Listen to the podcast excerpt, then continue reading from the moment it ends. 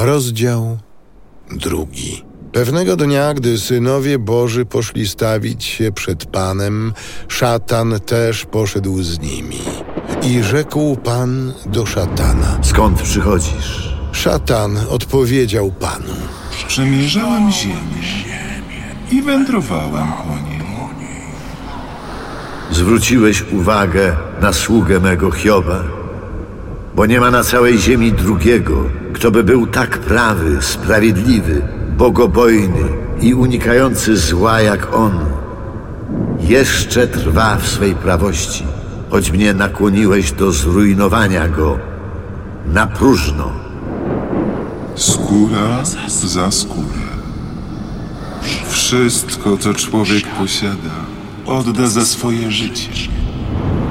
Wyciągnij proszę rękę i dotknij jego kości i ciała.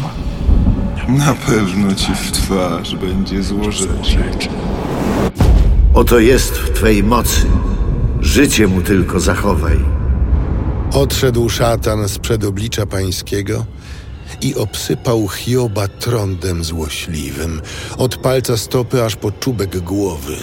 Hiob wziął więc skorupę, by się nią drapać, siedząc na popiele. Rzekła mu żona. Jeszcze trwasz mocno w swej prawości? Złożecz Bogu i umieraj. Mówisz jak kobieta szalona. Dobro przyjęliśmy z ręki Boga. Czemu zła przyjąć nie możemy? W tym wszystkim Hiob nie zgrzeszył swymi ustami.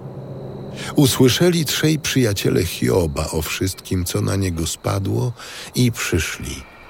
Każdy z nich z miejscowości swojej.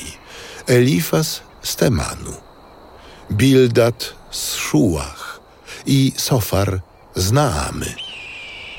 Porozumieli się, by przyjść, boleć nad nim i pocieszać go. Skoro jednak spojrzeli z daleka, nie mogli go poznać. Wykrzyknęli i zapłakali. Każdy z nich rozdarł swe szaty i rzucał proch w górę na głowę.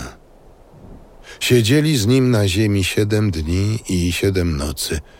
Nikt nie wyrzekł słowa, bo widzieli ogrom jego bólu.